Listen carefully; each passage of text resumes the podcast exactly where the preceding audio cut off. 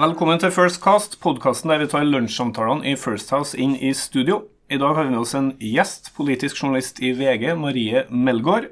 Marie har eh, før hun begynte i VG vært politisk kommentator og leda samfunnsavdelinga i Dagsavisen, og har jobba som politisk journalist i Aftenposten og Dagbladet tidligere. I studio så sitter også Morten Andreas Meyer, tidligere moderniseringsminister for Høyre og nå partner her i First House, og sjøl så heter jeg Erlend Fuglum.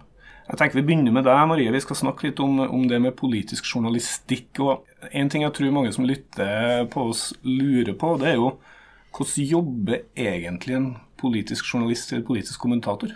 Ja, jeg tror da jeg begynte, så syntes jeg det var veldig vanskelig å skjønne hvordan finner folk eh, en sak. For det, det detter jo ikke bare ned i huet på deg. Men så etter hvert som du er med en stund, så skjønner du at det handler veldig mye om å gå og prate med folk hele tiden. Samle opp uh, tråder her og der. Og det ene er jo hva som skjer i den politiske kalenderen, type et landsmøte eller eh, statsbudsjett, og finne ut hva som skjer med de tingene. Men det er jo også det å samle opp et inntrykk av hvordan det går i et parti. Er det liksom noe mistillit mellom noen eh, personer i partiet? Eh, er det noen som jobber med en sak i hemmelighet? Ja. Og for en politisk journalist så må du nesten være på Stortinget. Og nå med mhm. mindretallsregjering så er det jo veldig mye som foregår der av de store sakene. Så det går rundt, banke på dører, drikke mye sur kaffe og prate om løst og fast, om det er skiturer eller hva, og ha øra ute, det tror jeg er kanskje det viktigste vi, vi gjør, da. Så det å snakke med folk er vel så viktig som å lese og skrive, skal jeg si? Ja. Jeg tror jeg bruker mer av dagen min på å prate med folk enn å faktisk skrive en sak. For når du først Når alle dominobrikkene faller på plass, og du faktisk får eh, saken eh, i hodet ditt, da, så begynner du å skrive, da går det som oftest veldig fort. Men prosessen før kan jo ha vært ganske lang, da. Vi skjønner jo det at uh, kilder selvfølgelig er veldig avgjørende for en politisk journalist. Da snakker vi ikke kilder sånn som i stortingsproposisjoner, men folk, rett og slett. Uh, hvor viktig er det å ha et tillitsforhold til sentrale politikere? Ja, det er helt uh, alfa og omega. Fordi det ene er jo at vi er avhengig av å vite ting som vi ikke kan skrive, og forstå litt hva som skjer. Og da er du jo avhengig av at folk kan sette seg ned i et rom og snakke med mhm. deg helt fritt og fortelle deg hvordan det egentlig er. Og så må du da velge sjøl hvordan du skal gå videre med det. Men hvis du ikke veit egentlig hvordan ting er, så er det ikke så lett for deg kanskje å se saken eller skrive helt sannferdig om hva som skjer. Men også når du får det tillitsforholdet, så når en, da, en kilde har en sak, la oss si de vil foreslå noe på Stortinget, eller regjeringen kommer med et eller annet, så kan hende de ringer deg, for de vet at de både kan snakke med deg litt fritt om hva det handler om, men også kanskje at de vet at måten du presenterer på, er i tråd med det de vil oppnå. da. Så det er både at du skal vite bakgrunnsting, men også kanskje få de sakene når det kommer. Hvordan, jeg sånn, et spørsmål til Marie. Sånn, hvordan opplever du den sånn, du, du, skal være på leserens side. Eh, samtidig så forutsetter det å kunne lage god politisk journalistikk et tillitsfullt forhold til eh, mange politikere. Eh, men sånn, hvordan sorterer du ut det å kunne eh, skal vi si, bli brukt i retning av å bli misbrukt. Eh, hvordan sorterer du ut den informasjonen du får? Ja, hvordan rydder du jeg si, ditt eget hode med tanke på den rollen du har på vegne av leserne? da? Skjønner du spørsmålet mitt? Ja, jeg tror, Det jeg tenker når du spør som du gjør, er at min kunde på en måte er jo leseren. Jeg går jo ikke mm. rundt og får vite masse ting fordi det er gøy for meg å vite det. Jeg skal jo være et slags mellomledd mellom mm. politikerne og mm. leseren. Og av og til så dukker det opp ting som du absolutt ikke kan skrive. Men ofte så er det jo litt sånn du får vite noe, og så kan du gå og spørre andre. Og så blir det et lappeteppe av ting som du samler sammen til en sak. Men det du sa med å bli misbrukt og brukt, f.eks. at noen kommer da med en eh, lekkasje eh, mot en annen, så må du vurdere hva som er kildens motiv.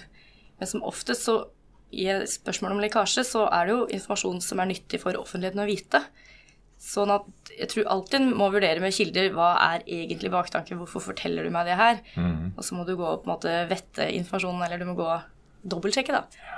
Um, så av og til blir man brukt, men som regel så handler det om å få ting ut, og da ja, målet hellige midler, kanskje. Når vi snakker om lekkasjer nå, det er jo det vi ser når vi typisk eh, leser i avisa at uh, eh, VG erfarer ting eller kjenner til. altså de, de baserer seg da på det som for oss som lesere er anonyme kilder, men der journalisten uh, føler seg så sikker på den informasjonen han har fått, at han velger å, å, trykke det likevel. Det er jo det vi kaller lekkasjer. Hvor, hvor vanlig er det at politikerne sjøl lekker informasjonen til dere journalister bevisst? For at Én ting er at dere plukker opp og setter sammen puslespillbiter, som dere sier, men, men, men at det med og slett lekker saker. Hvor vanlig er det, syns du?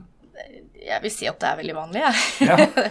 Kanskje sjokkerende for noen, men, eh, men det, er, det, er, vanlig. Men det er to måter å gjøre det på. Det ene er at en person vet noe, og så ringer eller oppsøker meg og forteller dette, og så må jeg gå videre med det. Eller at jeg begynner å spørre om noe, og så sier de kanskje enten mer enn hva de hadde tenkt, eller de sier det som det er. Så en lekkasje kan både være veldig ubevisst og bevisst, da. Mm. Um, ja. Jeg vil tro at uh, Jeg vil tro at det er veldig Lekkasjer blir mye mer brukt i det politiske spillet enn det jeg tenker at folk flest er uh, bevisst på. Uh, de lekkasjene vi leser om, tror jeg i all hovedsak er bevisste planta lekkasjer i, brukt i den hensikt i å oppnå noe i politisk sammenheng.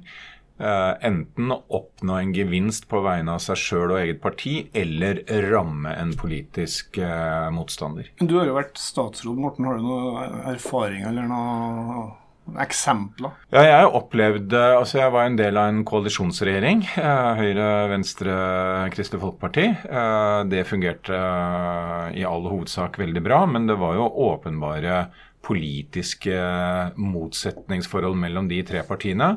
Og jeg opplevde å bli, eh, altså bli frarøvet muligheten til å fremme en uh, sak og gjennomføre en politisk endring som et resultat av en bevisst lekkasje fra en kollega i regjeringen fra et annet parti enn mitt eget. Så en lekkasje ble brukt i et internt spill i regjeringa, rett og slett? Ja. Det og det tror, jeg, det tror jeg du i det tror jeg nok du både i eh, skal vi si, en enpartiregjering opplever, men du opplever det jo særlig i en koalisjonsregjering hvor, eh, hvor partier med si, ulike politiske interesser skal samarbeide. Eh, da, da, da ja, Vi skal ikke være så naive og ikke tro at det foregår i ganske stor utstrekning. Jo, men Jeg husker jo da de rød-grønne partiene satt på Soria Moria i 2005, så øh, ble jo lekkasjer brukt nesten som en forhandlingsstrategi. Uh, Kanskje litt parallelt til det du forteller, da, men, men da lakk jo altså underveis mens man forhandla en regjeringsplattform, så kom det flere ganger om dagen eh, nyheter fra forhandlingene om hvor forhandlingsposisjonene kanskje sto, hvilket gjorde det mulig for interesseorganisasjoner og andre å mobilisere både motstand og Og da er det jo ikke noe vanskelig å forstå at det er morsomt å være politisk journalist ja. eller kommentator. Det høres ut som budsjettforhandlingene her før jul. Det var ganske intenst. Der syns jeg kanskje vi i pressen kan tenke oss litt om, for da var det jo lekkasjer i hytt og pine hele veien med nye milliarder her og der. Eh, at kanskje litt jaget etter å være først med det siste i en periode hvor det var ganske mye dødtid, mm. så kanskje man ikke sjekka opp med mange nok kilder, for det var jo en del ting som ble feil. Mm. Og det, når du skriver noe som er anonymt eller erfarer, så skal det være riktig. Og hvis det ikke er det, så er det ganske pinlig. Men en ting jeg har tenkt på, det er jo uh, forskjell på hvor viktig politikere er. Noen politikere er jo veldig mye mer sentrale enn andre. Og jeg vil jo tro som politisk journalist så er det da ekstra verdifullt å ha et sånn tillitsfullt forhold til de viktigste politikerne. Kan det være fristende å behandle de mest, altså disse politikerne du har som tillitsforhold til, uh, litt annerledes enn andre? Eh, være litt snillere når man driver kritisk journalistikk. Eh, velge vinklinger som du vet at de kanskje vil sette mer pris på, sånn, som en del av det å dyrke det tilsure forholdet. Eller det, kan det være et dilemma? Det kan, men jeg håper at de aller fleste eh, ikke ja, gjør som du sier, at en eh, kanskje ikke skriver en kritisk vinkel fordi dette er en god kilde. Jeg tenker at vi er jo såpass tett på politikerne hele tiden. Vi eh, både på jobb og privat. altså F.eks. man kan havne på fest eller ta en øl sammen. Men hvis du på noe tidspunkt da ender med å ikke skrive en sak eller ikke skrive en kritisk for du opplever at dette vil ødelegge forholdet, så må man huske på hva er jobben din. Du er jo journalist, du er jo ikke en, en venn eller en kompis. Du, um, men selvfølgelig, du havne, kan havne i det at noen ringer deg som, som du har et godt forhold til, som nå er sint på deg, og det er jo aldri hyggelig, men da må man jo minne dem på at du har jo gjort jobben din, så lenge ingenting er feil. Så har jo faktisk jeg bare gjort jobben min, og når vi møtes, så veit jo du eller den personen at jeg er journalist. Mm. Du virker jo som noen politikere i hvert fall har litt sånn elsk-hat-forhold til, til journalistene. Hvordan opplevde du det, Morten? Jeg opplevde jeg opplevde å bli behandlet veldig ryddig og ordentlig. Eh, og det tror jeg Altså, jeg tror, jeg tror det er journalistenes utgangspunkt. Og hvis du som politiker selv har det som utgangspunkt, så tror jeg det kan være veldig altså Stort sett helt uproblematisk. Men du, men du kan jo ikke som politiker forvente uh, at du nærmest sitter på desken og bestemmer oppslaget om hvordan ting skal bli. Eh, du må forstå rollene og, og, være forberedt på altså Du kan jo ikke gå gjennom en, en, politisk hverdag uten å få medieoppslag som du ikke liker. Som du også som hadde som utgangspunkt at dette er en god sak for meg, dette kommer sikkert til å fremstå fint. Og så ser den, ser den saken helt annerledes ut enn det du har ønsket deg. Men det er jo ikke fordi at journalisten gjør jobben sin uh, dårlig, kanskje snarere tvert imot. Eh, men velger en annen vinkling enn det du sjøl ønsket deg som politiker. Men det må du ha respekt for. Det er journalistens uh, privilegium, og det er journalistens rolle å se ting annerledes enn det du som politiker gjør sjøl. Har de fleste politikerne den respekten? Um, jeg tror ikke jeg skal gi noe prosentandel, men det er jo enkelte som ikke, ikke alltid uh, tar det på den måten og kan bli langsinte og sure. og Noen kan til og med ha en slags personlig vendetta mot journalister de ikke vil snakke med. Men som regel så syns jeg vel at det går helt fint. Og det er noe med at de er jo også litt nødt til å forholde seg til oss. Vi henger jo mm. rundt på Stortinget eller kommer på pressekonferanser, så de blir jo ikke kvitt oss. Politikerne byttes ut, men vi er jo her ganske konstant, da.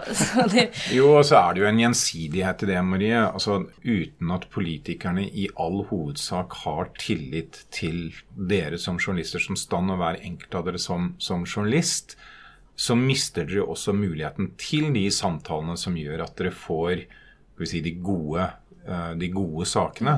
Eh, så jeg tenker at det er et eh, ja, kall det et form for skjebnefellesskap som Slags gjensidighet? Ja, en gjensidighet som gjør at ja, du, du, har respekt for hverandre og i utgangspunktet har en nødvendig her, rolleforståelse. Her tenker jeg at politisk journalistikk skiller seg fra f.eks. kultur- eller sportsjournalistikk. For der kan du ha da en idrettsstjerne eller en popstjerne som kan lukke seg helt og ikke vil, eller kan boikotte medier, vil ikke snakke med dem hvis de skriver noe kritisk. Men som jeg sa igjen, at når det handler om politikk, så på en måte må du fordi du er folkevalgt eller du er, sitter i en regjering, så du kan ikke komme unna å svare. Mens kanskje disse kjendisene kan jo si at uh, dette spørsmålet kommer jeg aldri til å kommentere, mens det, det privilegiet har ikke en politiker. Nei, nei. Så derfor er politisk journalistikk kanskje litt mer sånn profesjonell, da, ikke sant? fordi at uh, vi gjør vår jobb, de, dere politikerne gjør eh, sin. Og så må vi, som du sa, leve i skjebnefellesskapet her. Så jeg er helt sikker på at i VGs redaksjon og i andre store profesjonelle redaksjoner er en oppmerksomhet på kall det spinndoktorenes rolle og en forståelse for når er det noen som prøver å styre mm. hvordan og hva vi skal skrive om. Men samtidig så ser du jo også Eh, en, en risiko for, kall det en flokkmentalitet, hvor spinndoktorene åpenbart uh, har spilt en betydelig rolle om hvordan politiske saker og hvordan om hvordan enkeltpolitikere faktisk blir omtalt. Nå har vi ikke snakka om eh, rådgivere her, men jeg vil jo si at kanskje fagrådgivere, da, ikke de som jobber bare med å spinne en sak, kommunikasjon, eh, få på en sak. Eh, når jeg sa vi er nødt til å snakke med folk, så handler ikke det bare om selve politikeren, også rådgiveren, og kanskje den nærmeste rådgiveren til en statsråd eller til en partileder er jo vel så viktig for oss mm, mm. for å få den forståelsen. Så særlig fagrådgivere, de er jeg veldig veldig glad i. Eh, Spinndoktorer, det kan man ha et litt blandingsforhold til. fordi sånn som vi snakker om den profesjonaliteten at en politiker vet at du må svare.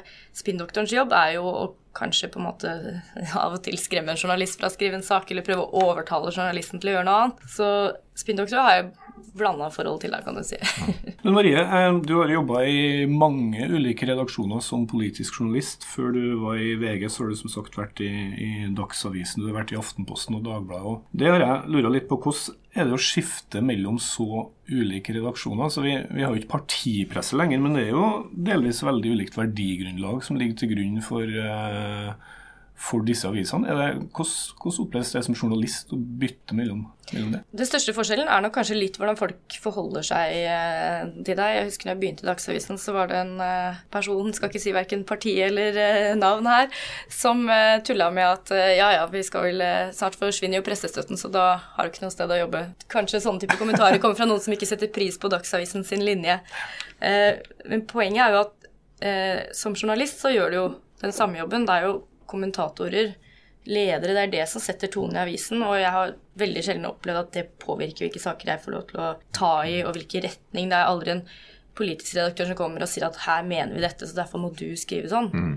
Den politiske redaktøren kan kanskje si det til en eh, kommenta kommentator, men ikke til meg. Og det er vel derfor vi kan turnere litt fritt. Men selvfølgelig Jobber du i Nasjonen, så har du fokus på litt andre saker enn når du er i, er i VG. Men, Men, hva er det, det som er førende for hvilke saker du velger å skrive? Da? Er det lesermassen sin forventning? Er det din egen interesse som politisk journalist? Er det, eller henger det litt sammen med redaksjonelle linjer, eller? Jeg vil jo si at eh, F.eks. hvis man bare tar Nasjonen, så er det helt åpenbart at eh, landbruksoppgjøret, landbruksmeldinga, vil de dekke i stort. Mens når jeg da har vært i VG, så har vi ikke, jeg har ikke skrevet noe om det, så da jobber jeg med andre saker. Men jeg har opplevd veldig mye at jeg styrer dette her sjøl, hva jeg er interessert i. Eller du, du, må jo følge hva som skjer på den politiske mm. dagsordenen, og det er det man tar i, da. Men um, det å bytte jobb, det er jo ikke noe karantenetid som man har hvis man er uh, rådgiver i regjering, eller uh, ja, bytte mellom PR-byråer. Mm. Og det tror jeg handler om at som jeg sa i stad, min kunde er jo leseren. Eh, og kilder og sånn, det tilhører jo meg som journalisten og personen. Marie er jo mm. på en måte den samme. Mm. Sånn at jeg har ikke noen eh, bindinger, fordi jeg skal jo bare få nyheten ut til en leser. Og den er jo på en måte konstant samme hvor jeg jobber. da. Så Derfor så tror jeg det er mulig å bytte. Vi dekker jo landsmøtesesongen ganske tett her i, i First House med en egen sending på, på, hvert parti. og Da snakker vi med politikere fra de partiene og får dem til å forklare litt om partiene. Um, men de, de politikerne drar jo bare på sine egne partis landsmøter. Dere som journalister besøker jo mange landsmøter. Hvordan oppleves landsmøtesesongen for eh, journalistene? Det kan være slitsomt, men det er veldig gøy. Og det tror jeg er veldig viktig når man får vært på mange forskjellige landsmøter, er at du får se litt sånn partienes sjel. Eh, og du får se litt hvem er de, og det er ganske stor forskjell. Du kunne jo nesten tro at de som er politisk aktive i Norge, er en veldig lik masse, men det er det ikke i det hele tatt. Sånn eh, jeg syns alltid det er gøy på Frp sitt eh, landsmøte under landsmøtemiddagen, og det ringer i bjelle, og så er det et kvarters røykepause.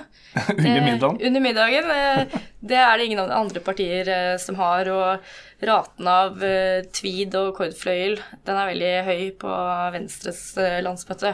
Veldig mange ser det som Sveinung Rotevatn, f.eks. um, men vi som presse, da, det er jo Her også går det på den slags kontrakten mellom oss og politikerne. Vi får jo være med helt inn i det innerste. Vi får være med på landsmøtemiddagen, og vi får være med på nachspielet.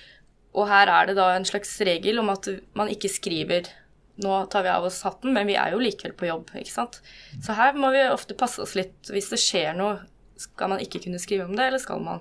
Så sånne vurderinger må tas. Men man, jeg tenker at hvis man er litt høflig og akseptere at her får vi lov til å være med inn, så må vi også på en måte oppføre oss deretter. Men hvis du lurer på hvor pressen er under landsmøtemiddagen, så må du se det bordet hvor det er mest skjenking, ingen klapping, ingen synging, og ingen reiser seg for noen. Der eh, er pressen. sånn ivaretar man uavhengigheten. Det er veldig bra. Det var um, det vi rakk uh, i dagens uh, sending. Tusen takk for at du var med, Marie. Til deg som lytter på, hvis du har ønsker om tema vi bør diskutere, eller andre gjester vi bør invitere, så må du gjerne sende oss en melding på Facebook-sida til Firstcast. Så må du huske at du kan abonnere på iTunes eller på Android. Og så er vi veldig glad for at du hører på. Takk for det.